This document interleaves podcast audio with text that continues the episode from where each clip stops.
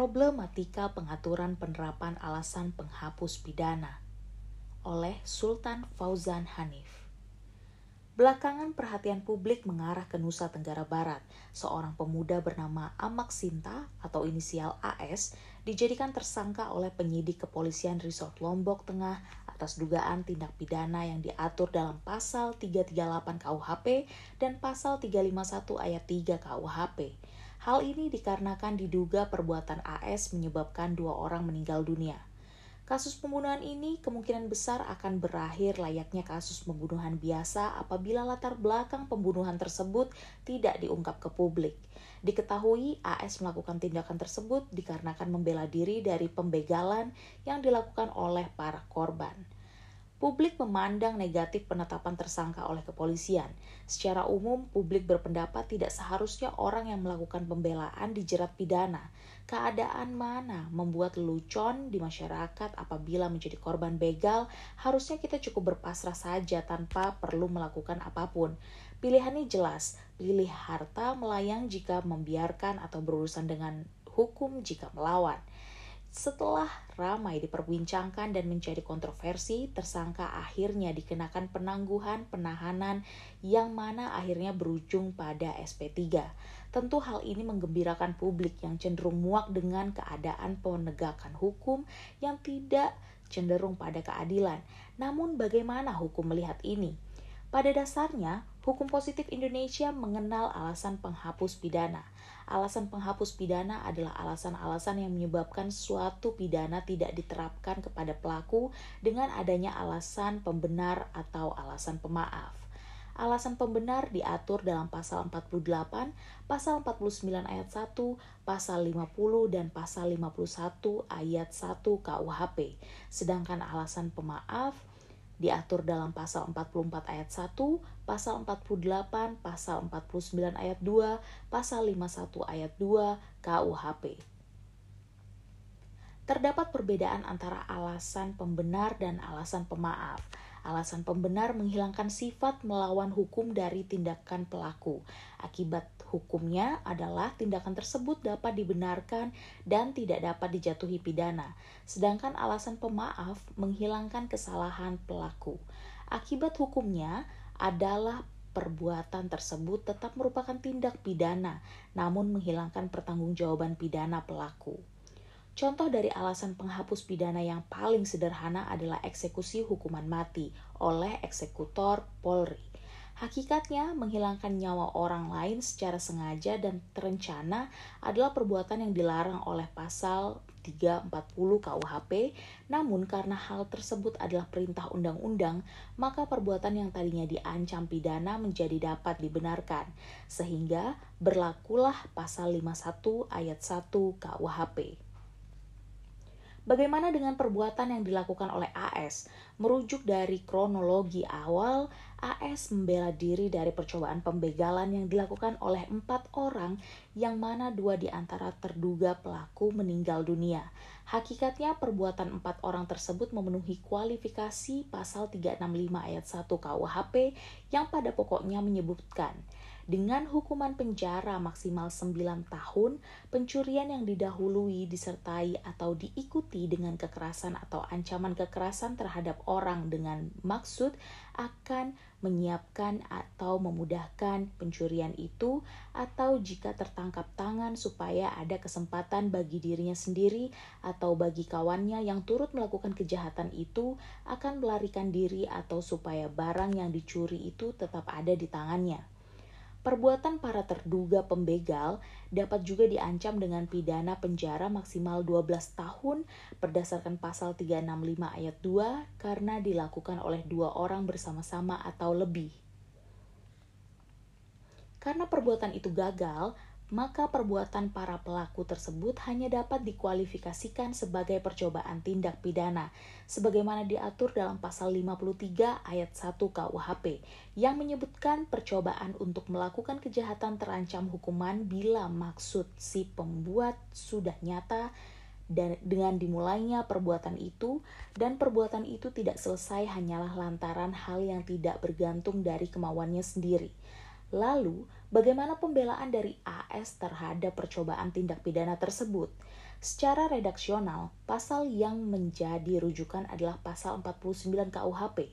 Pasal 49 ayat 1 KUHP menyebutkan barang siapa melakukan perbuatan yang terpaksa dilakukannya untuk mempertahankan dirinya atau diri orang lain, mempertahankan kehormatan atau harta benda sendiri atau kepunyaan orang lain daripada serangan yang melawan hak dan mengancam dengan segera pada saat itu juga tidak boleh dihukum Sedangkan pada pasal 49 ayat 2 KUHP disebutkan melampaui batas pertahanan yang sangat perlu jika perbuatan itu dengan sekonyong-konyong dilakukan karena perasaan tergoncang dengan segera pada saat itu juga tidak boleh dihukum.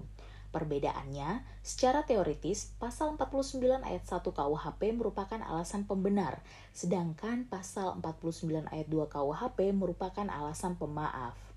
Lalu siapa yang dapat membuktikan hal tersebut? Semua tindak pidana hakikat harus dibuktikan di pengadilan. Pasal 8 ayat 1 Undang-Undang Republik Indonesia nomor 48 tahun 2009 tentang kekuasaan kehakiman menyebutkan setiap orang yang disangka, ditangkap, ditahan, dituntut atau dihadapkan di depan pengadilan wajib dianggap tidak bersalah sebelum ada putusan pengadilan yang menyatakan kesalahannya dan telah memperoleh kekuatan hukum tetap, ketentuan mana yang merupakan penjabaran dari asas praduga tak bersalah. Hukum acara pidana Indonesia memiliki prinsip pembuktian negatif, yang mana seseorang dianggap bersalah jika terdapat minimal dua alat bukti dan adanya keyakinan hakim. Hal mana diatur dalam pasal 183 KUHAP dengan latar belakang kasus tersebut tentu akan cukup mudah untuk menentukan dua alat bukti untuk membuktikan tindak pidana tersebut. Namun, di pembuktian tentu AS selaku terdakwa dapat menjelaskan situasi yang bersangkutan saat itu, sehingga membuat hakim mengerti bahwa tindakan tersebut adalah tindakan pembelaan diri yang dapat dikategorikan sebagai alasan penghapus pidana, baik sebagai alasan pembenar ataupun alasan pemaaf. Bagaimana dengan surat perintah penghentian penyelidikan yang dikeluarkan? Alasan apa yang digunakan penyidik untuk mengeluarkan SP3 dalam perkara ini?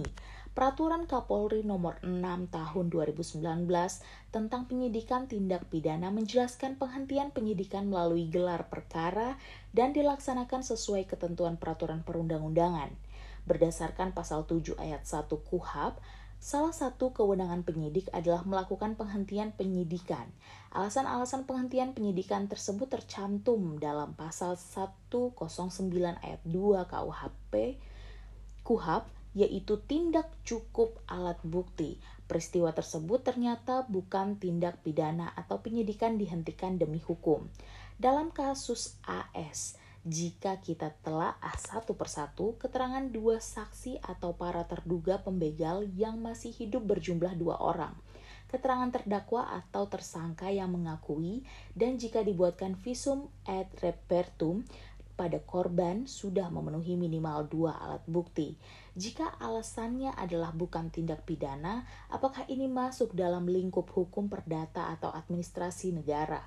Bukankah sebelum dilakukan penyidikan telah dilakukan penyelidikan yang bertujuan menentukan perbuatan tersebut adalah tindak pidana atau bukan?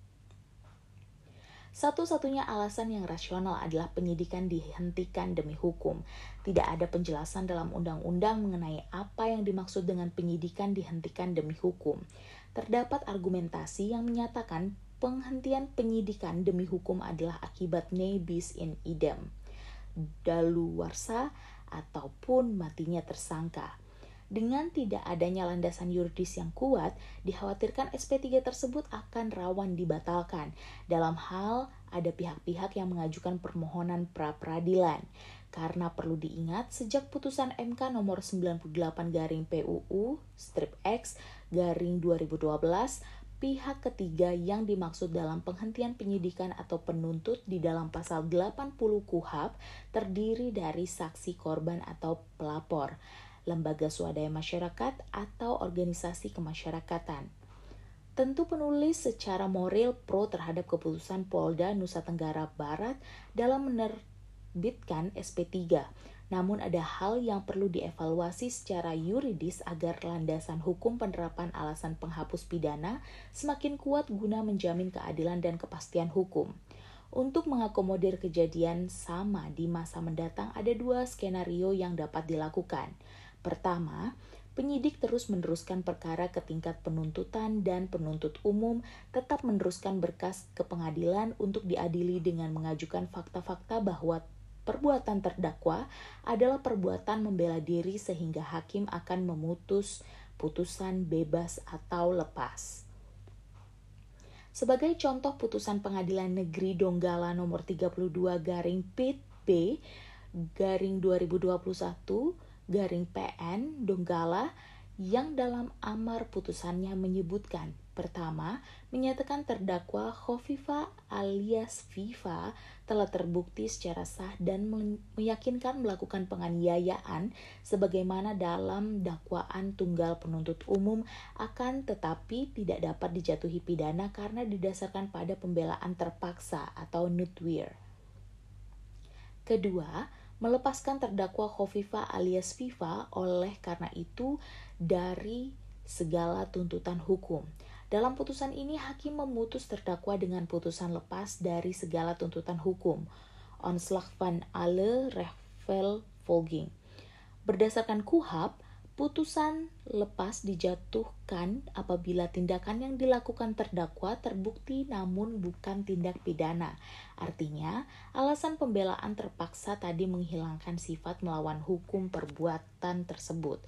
Pembuktian alasan penghapus pidana dibutuhkan untuk mencegah apabila ada pihak-pihak yang membuat skenario sedemikian rupa sehingga tampak seperti peristiwa yang memenuhi alasan penghapus pidana.